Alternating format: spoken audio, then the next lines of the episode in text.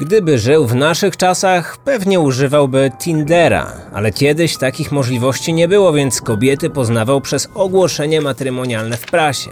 Interesowały go te najbardziej bogate. Owijał je sobie wokół palca, rozkochiwał, oszukiwał i okradał. Niestety jedna z nich nie wyszła z tego cało. Przynajmniej jedna, bo ofiar mogło być więcej. Śledczy analizowali niewyjaśnione sprawy, próbując połączyć je z tym człowiekiem. Mieli przypuszczenia, że może być seryjnym sprawcą. Mówiło się nawet o kilkudziesięciu przypadkach. Żonobójca z Łazarza. Pod takim pseudonimem dziś znany jest Franciszek Lange. Poznajecie historię jednego z najsłynniejszych poznańskich przestępców, który mieszkał w kamienicy przy ulicy Małeckiego 4. To właśnie stąd, w 1934 roku, chcąc pozbyć się dowodów, wyniósł walizkę i to doprowadziło do jego zguby. To temat, którym zajmiemy się dziś na Kryminatorium. Na tym podcaście w każdy poniedziałek znajdziesz opowieść o innej sprawie kryminalnej. Możesz mnie słuchać na Spotify, YouTube lub w aplikacji podcasty na swoim iPhone'ie. Kryminatorium. Otwieramy akta tajemnic.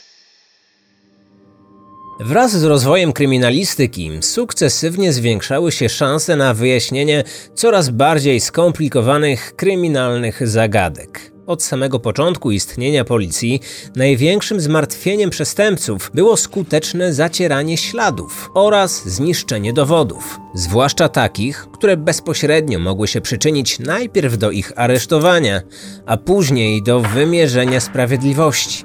Próbowało tego wielu, z lepszym lub gorszym skutkiem. Zdecydowanie najtrudniejsze zadanie stało przed zabójcami. Zarówno autorzy poczytnych powieści detektywistycznych, jak i reporterzy opisujący w gazetach te najgłośniejsze sprawy kryminalne od zawsze byli zgodni w jednym. Łatwo jest kogoś zabić, ale znacznie trudniej jest pozbyć się ciała. Ciężko o trafniejsze stwierdzenie. Przecież to właśnie odnalezienie zwłok najczęściej prowadziło do schwytania zbrodniarzy. Nic więc dziwnego, że zabójcy w pierwszej kolejności próbowali właśnie pozbyć się ciał osób, które zabili. A sposoby mieli przeróżne.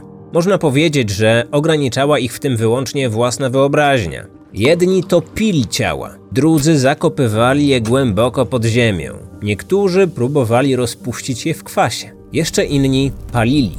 Byli też tacy, którzy z wielką determinacją starali się poćwiartować zwłoki, które później, ze względu na mniejszy rozmiar poszczególnych części, łatwiej im było ukryć lub zniszczyć. Tacy zbrodniarze w pierwszej kolejności starali się przede wszystkim usunąć te części ciała, które mogły posłużyć detektywom do identyfikacji.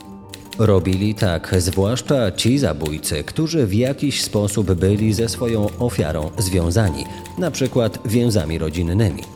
Dłonie mogły przecież dostarczyć śledczym odcisków palców, a głowa posłużyć do odtworzenia wyglądu twarzy. Nie mówiąc już o zębach, które można było porównać z dostępnymi kartami dentystycznymi. Obawy zbrodniarzy były jak najbardziej uzasadnione, bo nawet przed epoką DNA policja jakoś sobie radziła nie tylko z ustaleniem tożsamości, ale także z późniejszym powiązaniem ich ze sprawcami. A dziennikarze od zawsze widzieli w takich sprawach ogromny potencjał oraz szansę na zwiększenie sprzedaży gazet. Nie inaczej było w sierpniu 1934 roku, kiedy poznańskie dzienniki zaczęły się prześcigać w informowaniu swoich czytelników o makabrycznych szczegółach zbrodni popełnionej w stolicy Wielkopolski. Nagłówki nie pozostawiały wtedy żadnych złudzeń. Zdaniem ówczesnej prasy, nigdy wcześniej poznańscy policjanci nie mieli do czynienia ze zbrodniarzem tak okrutnym i tak cynicznym, którego opinia publiczna zgodnie nazwała poznańskim lądru. Od samego początku plotki w tej sprawie mieszały się z faktami, a kłamstwa z prawdą. A wszystko zaczęło się na stacji kolejowej w niewielkiej wsi pod Gnieznem. Przyjechałem do Fałkowa, aby na własne oczy zobaczyć miejsce, w którym rozgrywała się ta historia.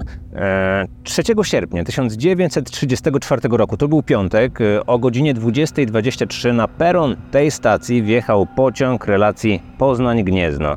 Jak zwykle o tej porze nie wysiadło z niego zbyt wielu podróżnych, ale wśród nich byli dwaj mężczyźni. Swoim wyglądem i zachowaniem od razu wzbudzili niepokój funkcjonariusza służby kolei. Obaj byli bardzo przyzwoicie ubrani. Powiedziałbym nawet, że z pewną elegancją, która odróżniała ich od mieszkańców wsi, którzy razem z nimi wysiedli z pociągu. Starszy z mężczyzn wyglądał na około 40 lat. Ubrany był w jasne palto, a na głowie miał kapelusz.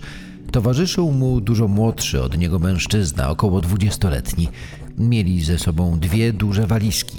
Jedną zostawili w dworcowej przechowalni bagażu, drugą zabrali ze sobą.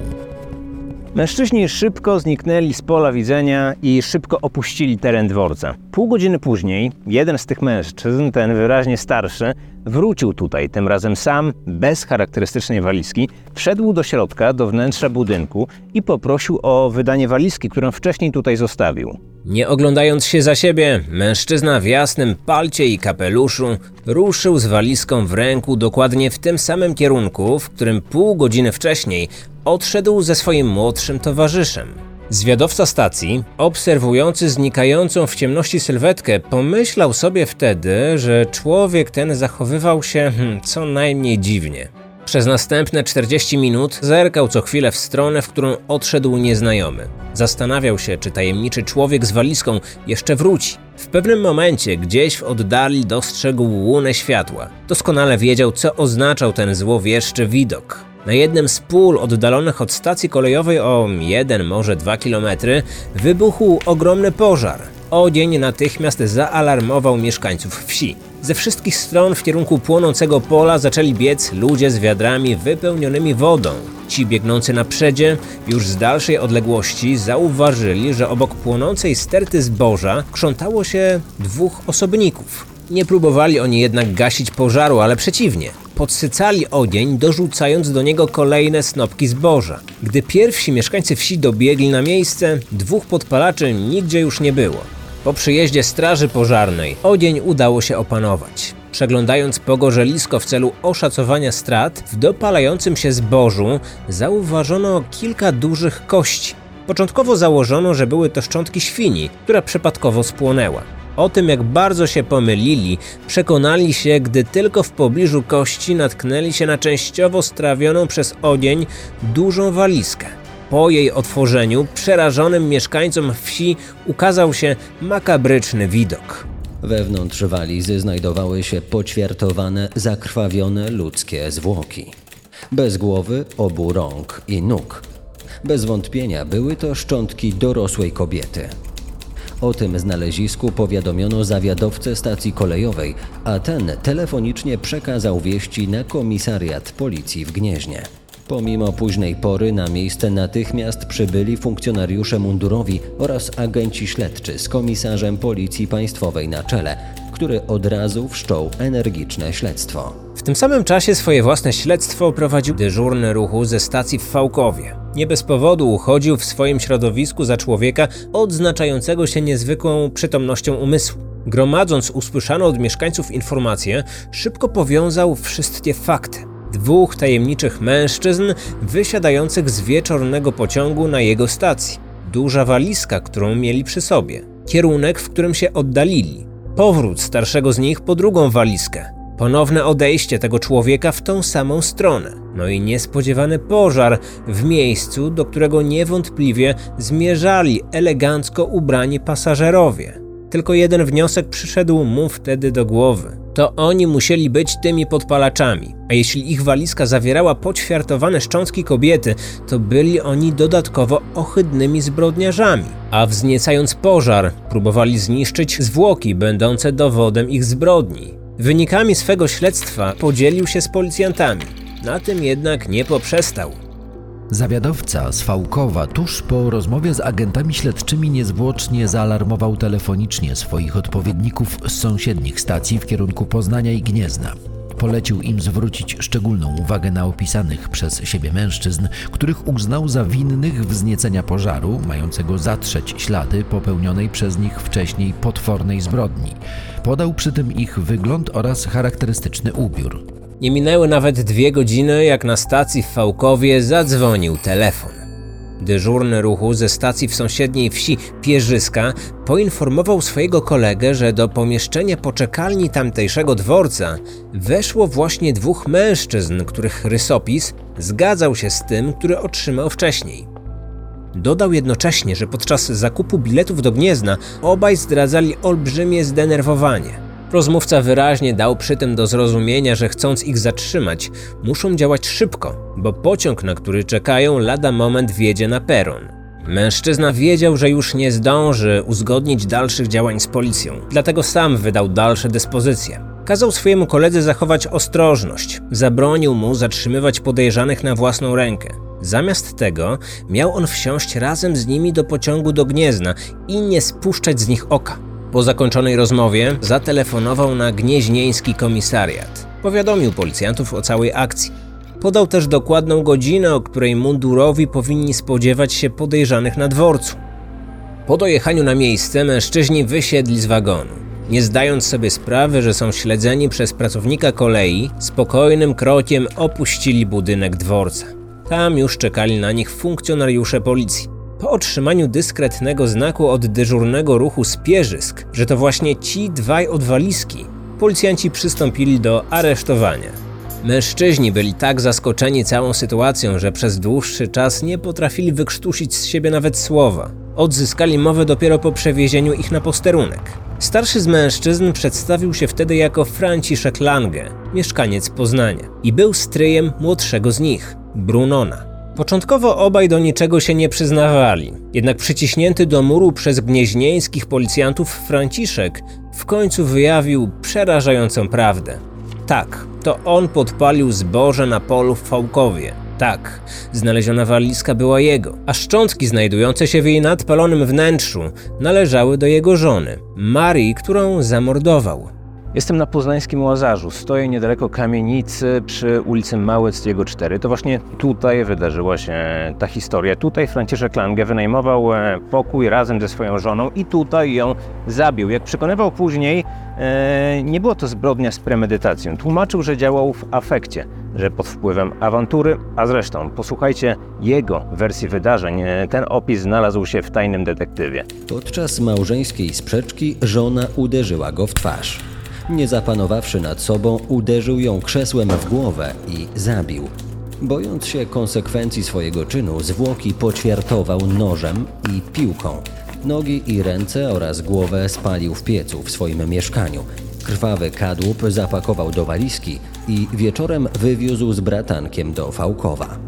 Podpalając stertę zboża, próbował ukryć ślady swojej zbrodni. Aby potwierdzić jego słowa, policjanci z Gniezna wysłali wiadomość telegraficzną do swoich kolegów z Poznania. Ci z kolei zarządzili natychmiastową rewizję we wskazanym pokoju wynajmowanym przez małżeństwo Langów. Przeszukanie lokalu potwierdziło czarny scenariusz. We wciąż ciepłym piecu znaleziono częściowo zwęglone ludzkie kości. Następnego dnia poznańskie władze sądowo-śledcze przeprowadziły drobiazgowe badania pokoju.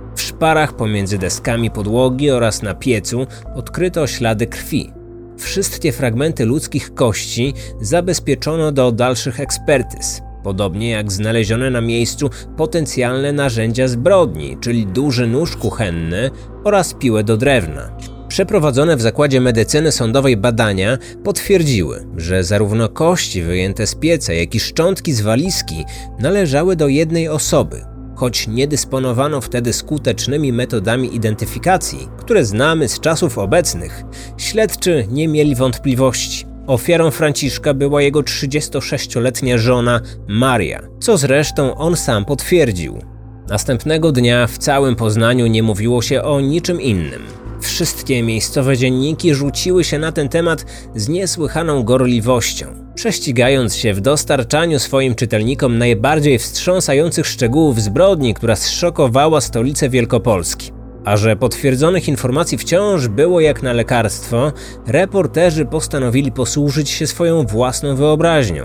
W kolejnych dniach te sensacyjne doniesienia krzyczały z pierwszych stron takich gazet jak Dziennik Poznański, Kurier Poznański czy Gazeta Powszechna. Poznaniacy spragnieni sensacji wierzyli w każde opublikowane zdanie, które później pocztą pantoflową roznosiło się po całym mieście. I tak oto zamordowana żona stała się kochanką. Do tego jedną z wielu. Bratanek Brunon stał się Sewerynem. Informowano, że sprawca miał wielu wspólników, a walizkę z poćwiartowanym ciałem spalił nie w stercie zboża, ale w drewnianej szopie stojącej na polu. Zmienił się również motyw z małżeńskiej kłótni na małżeńską zazdrość. Dodatkowo publikowano całkowicie wyssany z palca wywiad z zabójcą i to przeprowadzony nie przez zawodowego reportera, ale przez policyjnego fotografa.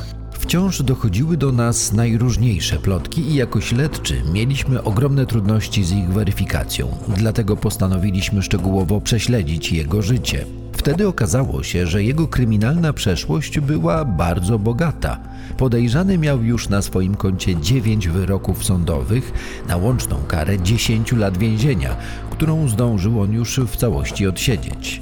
Wraz z poznawaniem biografii aresztowanego mężczyzny, prawda o nim stawała się jeszcze bardziej wstrząsająca niż wymyślane przez dziennikarzy rewelacje na jego temat. Jedną z pierwszych potwierdzonych przez policję informacji był fakt, że aresztowany razem z nim Brunon nie był wcale jego bratankiem, ale rodzonym synem z pierwszego małżeństwa.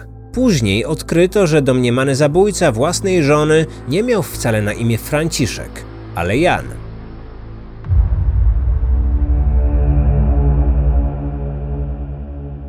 Uchodząc w Poznaniu za spokojnego i porządnego handlowca, Lange w roku 1911 poślubił Helenę Frankowską. Wkrótce na świat przyszła ich córka Walentyna. Rok później urodził się Brunon. Jednak rola męża i ojca mu nie odpowiadała. Nie znosił obowiązków i ciężkiej pracy, ale kochał wolność oraz pieniądze. Dlatego od początku trwania małżeństwa wyjeżdżał z domu pod byle pretekstem, najczęściej w delegację. Jeździł wtedy po całej Polsce. W tym czasie okradał kogo tylko zdołał. Najczęściej zamożne stare panny. Najpierw je w sobie rozkochiwał, obiecując małżeństwo. Później znikał bez śladu. Zabierał ze sobą ich oszczędności. W przerwach między kolejnymi romansami okradał wiejskie kościoły, do których włamywał się pod osłoną nocy. Do domu wracał rzadko, ale zawsze z wypchanym portfelem. Helena o nic nie pytała. Źródło dochodów męża poznała dopiero wtedy, gdy po Jana przychodzili policjanci. W ciągu 20 lat 9 razy wylądował za kratkami. W sumie przesiedział nieco ponad 10 lat. W więziennej celi czuł się niemal jak w domu. Podczas jego nieobecności Helena z dziećmi często zmieniała miejsce zamieszkania. Głównie po to, aby uciec przed wścibskimi sąsiadami, którzy plotkowali o kryminalnym życiu jej męża. Gdy wyszedł z więzienia po raz ostatni, nie zamieszkał już ze swoją żoną. Czasami tylko pojawiał się u niej, aby wyżebrać trochę pieniędzy na przetrwanie. Policja wciąż grzebała w jego przeszłości, przesłuchując licznych świadków jego licznych przestępstw. Wkrótce do kradzieży, wyłudzeń oraz oszustw śledczy dopisali fałszerstwo oraz bigamię. We wrześniu 1931 roku Lange ponownie się ożenił. Niby nic wielkiego, przecież nawet przed wojną pary się rozchodziły. Jednak u Jana problem polegał na tym, że oświadczając się poznanej przez ogłoszenie matrymonialne Marii Gromadzińskiej z Gniezna, wciąż był żonaty.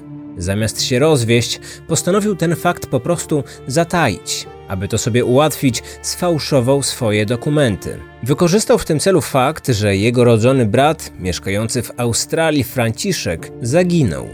Ukrywając ten fakt nie tylko przed członkami swojej własnej rodziny, ale także przed władzami, wyrobił sobie nowy dowód. I już jako Franciszek Lange stanął po raz drugi na ślubnym kobiercu. Para zamieszkała w Poznaniu. Śledczy próbowali dotrzeć do tej kobiety, ale nigdzie nie mogli jej znaleźć, podobnie jak jej najbliższa rodzina. Okazało się, że kilka miesięcy po swoim ślubie Maria przepadła bez śladu. Policjanci uznali, że tylko jedna osoba mogła znać prawdę o miejscu jej pobytu. Przebywający w poznańskim areszcie mąż. Przyciśnięty Lange przyznał się do popełnienia bigami. Twierdził jednak, że z zaginięciem drugiej żony nie miał nic wspólnego. Po tym jak przyłapał ją na zdradzie, nie rozpaczał. Zamiast tego namówił ją, aby sprzedała swoje mieszkanie razem z meblami, a następnie wyjechała ze swoim kochankiem do Belgii. I jak zapewniał Jan, czyli Franciszek, tak też uczyniła, a on nigdy więcej jej nie widział. Śledczy postanowili to sprawdzić. Wtedy odkryli, że niewierna żona nigdy nie przekroczyła polskiej granicy, przynajmniej oficjalnie. Może więc uciekła przez zieloną granicę. O pomoc poproszono belgijską policję. Ta wszczęła na terenie swojego kraju poszukiwania Polki, ale z marnym skutkiem. Po kobiecie, żywej lub martwej, nigdzie nie było jakiegokolwiek śladu. Ustaliliśmy, że tuż po jej rzekomym wyjeździe Franciszek zameldował się w Zakopanem, gdzie spędził ponad miesiąc. Świadkowie zapamiętali, że miał wówczas przy sobie ogromną ilość pieniędzy, które wydawał głównie na alkohol i damy lekkich obyczajów. Wtedy zaczęliśmy się zastanawiać, czy aby przypadkiem nie mieliśmy do czynienia z łowcą posagów. Z uporem maniaka policjanci studiowali wszystkie niewyjaśnione zaginięcia kobiet w Polsce. Później doszły do tego sprawy tajemniczych zgonów młodych mężatek oraz nigdy niewyjaśnione zabójstwa kobiet. Bezpośrednich dowodów na udział Langego w badanych przypadkach oczywiście nie było. Jednak w oczy śledczych rzuciła się zadziwiająca wręcz zbieżność. Do wielu takich zdarzeń doszło w chwili, gdy w pobliżu mieszkał lub przebywał Lange. W lutym 1931 roku w Żabikowie pod Poznaniem odnaleziono zmasakrowane zwłoki Wandy Dudziakówny. Sekcja wykazała, że sprawca postrzelił ją w głowę z rewolweru, a następnie, już po śmierci, zadał 28 ran ostrym narzędziem. Policja wszczęła śledztwo, ale nigdy nie udało się ustalić tożsamości zabójcy. Wkrótce wyszło na jaw, że kilka tygodni przed śmiercią kobieta poznała pewnego urzędnika, który jednak zniknął jeszcze przed jej pogrzebem. Po sprawdzeniu w biurze meldunkowym okazało się, że w tym czasie w Żabikowie mieszkała Helena Lange. Zdaniem jej ówczesnych sąsiadów, jej mąż, Jan, często przyjeżdżał do niej w gościnę. Plotkowano wtedy, że nie tyle przyjeżdżał do żony, co do swojej sekretnej kochanki, którą miała być Wanda. On sam do tego romansu się przyznał, ale stanowczo zaprzeczył, że miał z jej zabójstwem cokolwiek wspólnego. Jednak policjanci wiedzieli już wtedy swoje. Tam, gdzie pojawiał się Lange, znikały lub umierały młode mężatki. Gniezno, Bydgoszcz, Toruń, Poznań, do tego wiele okolicznych wsi. Zastanawiano się także, czy może on być dodatkowo poszukiwanym przez policję od ponad roku nieuchwytnym zabójcą kobiet z Wileńszczyzny. Liczba pasujących przypadków szybko rosła, a śledczy zaczęli się zastanawiać, ile tak naprawdę ofiar mógł mieć na sumieniu aresztowany przez nich zabójca żony. Sześć osiem, kilkanaście, a może więcej. Policyjne podejrzenia szybko przedostały się do prasy. Już wkrótce o domniemanych zbrodniach Langego zaczęły pisać wszystkie poznańskie gazety. Jak zwykle nie obyło się bez wyssanych z palca rewelacji na temat krwawego zbrodniarza, który poprzez ogłoszenia matrymonialne wyszukiwał swoje ofiary.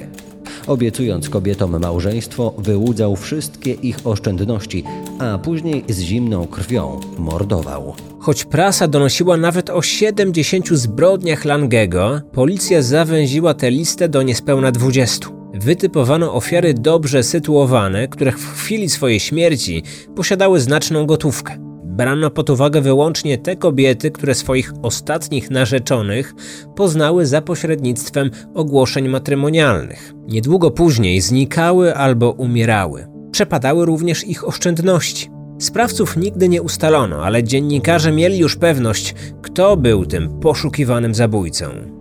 Wkrótce Lange zaczął być w gazetach nazywany poznańskim Londru, w nawiązaniu do zbrodni słynnego francuskiego seryjnego zabójcy kobiet, któremu przypisano 11 zabójstw. Ale czy Jan Lange, zwany także Franciszkiem, rzeczywiście był wyrachowanym łowcą posagów, który mordował swoje żony lub narzeczone?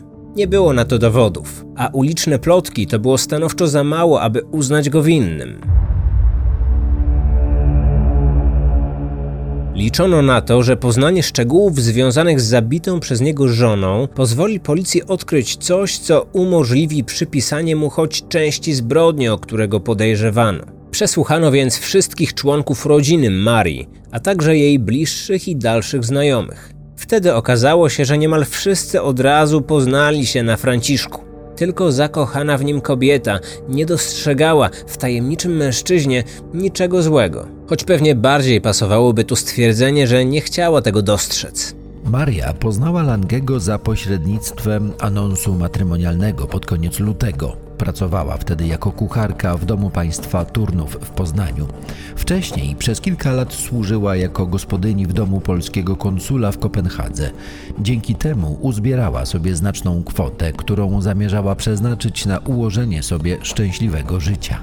Przedstawił jej się jako Franciszek, bogaty kawaler z Poznania, będący urzędnikiem wojewódzkim na państwowej posadzie.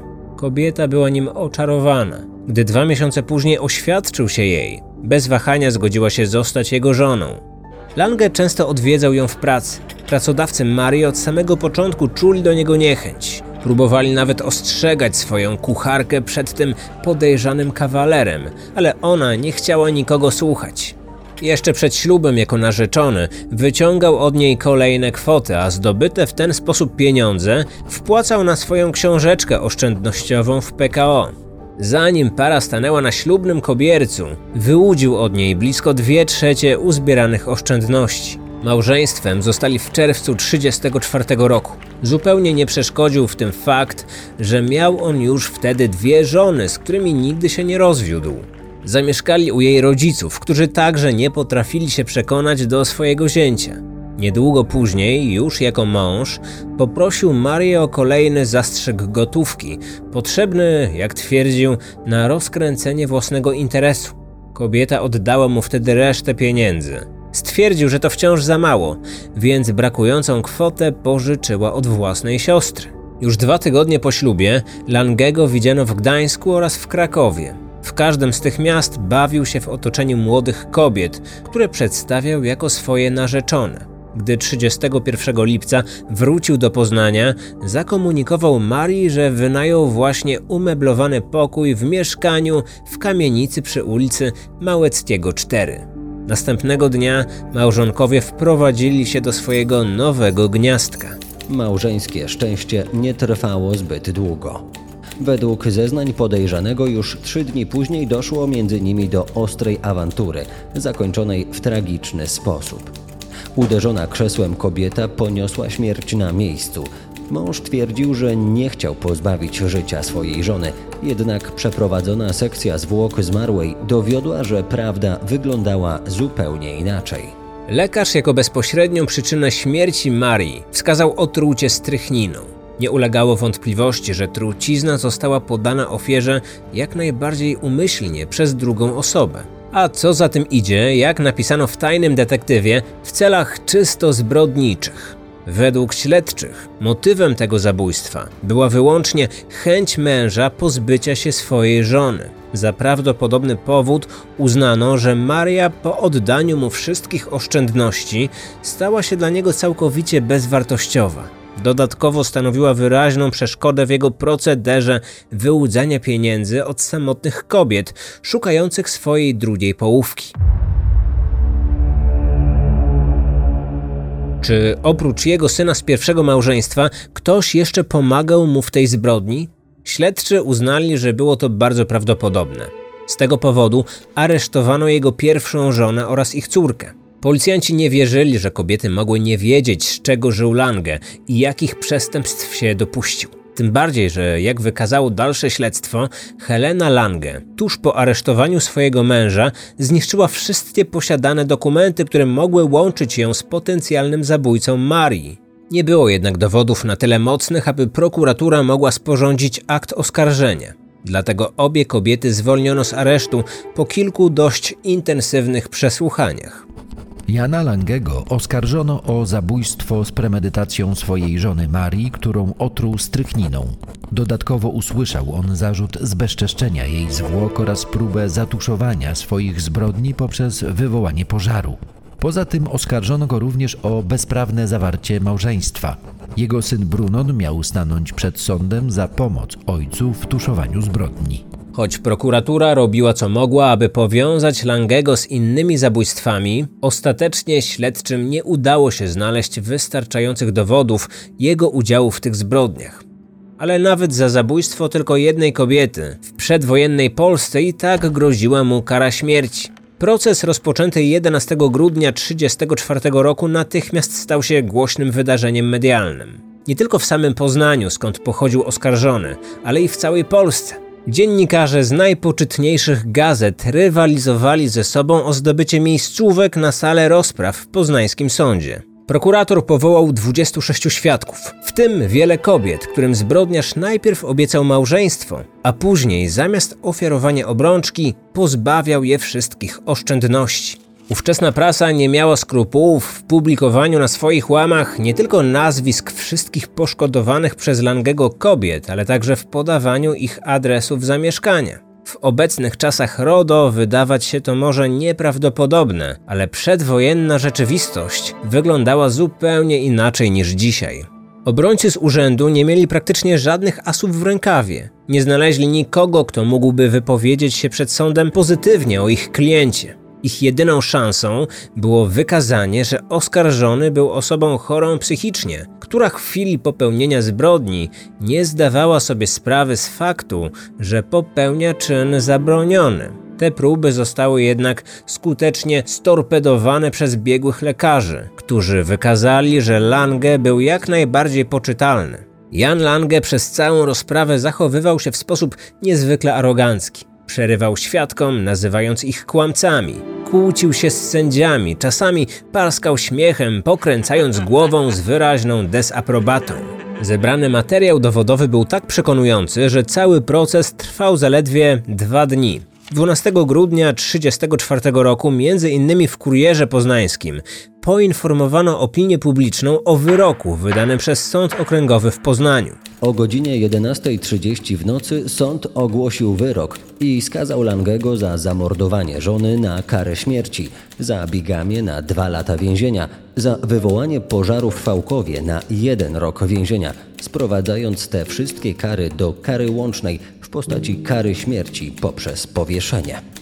Równocześnie sąd zarządził utratę na zawsze wszelkich praw obywatelskich. Jego syn także został uznany winnym zarzucanego mu czynu, czyli pomocy ojcu w tuszowaniu zbrodni. Brunon Lange został skazany na półtora roku pozbawienia wolności. Ich dalsze losy pozostają nieznane. Po pewnym czasie prasa przestała interesować się skazańcami. Nie wiadomo, czy Brunon odbył swoją karę w całości, czy może więzienne mury opuścił nieco wcześniej. Nie jest nawet pewne, czy polskie władze wykonały zasądzony wyrok śmierci na jego ojcu.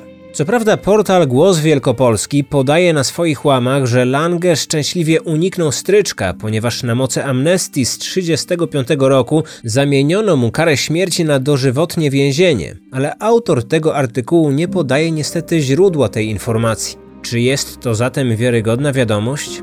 Z ustaleniem tego może być mały kłopot, ponieważ w podanym przez autora roku władze II Rzeczypospolitej nie ogłosiły żadnej amnestii dla więźniów. Najbliższa miała miejsce dopiero 2 stycznia 1936 roku i rzeczywiście objęła więźniów skazanych na karę śmierci. Czy faktycznie był wśród nich Jan Lange? Nie wiadomo. Ówczesne źródła na ten temat głucho milczą. Tak czy inaczej, wszystko to, co działo się w tej sprawie już po wydaniu skazujących wyroków, pozostaje jak na razie tajemnicą. Źródła wykorzystane do stworzenia materiału. Artykuły opublikowane w Kurierze Poznańskim od sierpnia do grudnia 1934 roku. Artykuły opublikowane w Dzienniku Poznańskim w sierpniu i we wrześniu 1934 roku. Artykuły opublikowane w Gazecie Powszechnej w sierpniu 1934 roku. Seria artykułów opublikowanych w tygodniku Tajny Detektyw w sierpniu 1934 roku. Artykuł Zbyszka Snusza zatytułowany Żonobójca z Łazarza bezwzględny i okrutny psychopata. Opublikowany na portalu Głos Wielkopolski 17 września 2022 roku.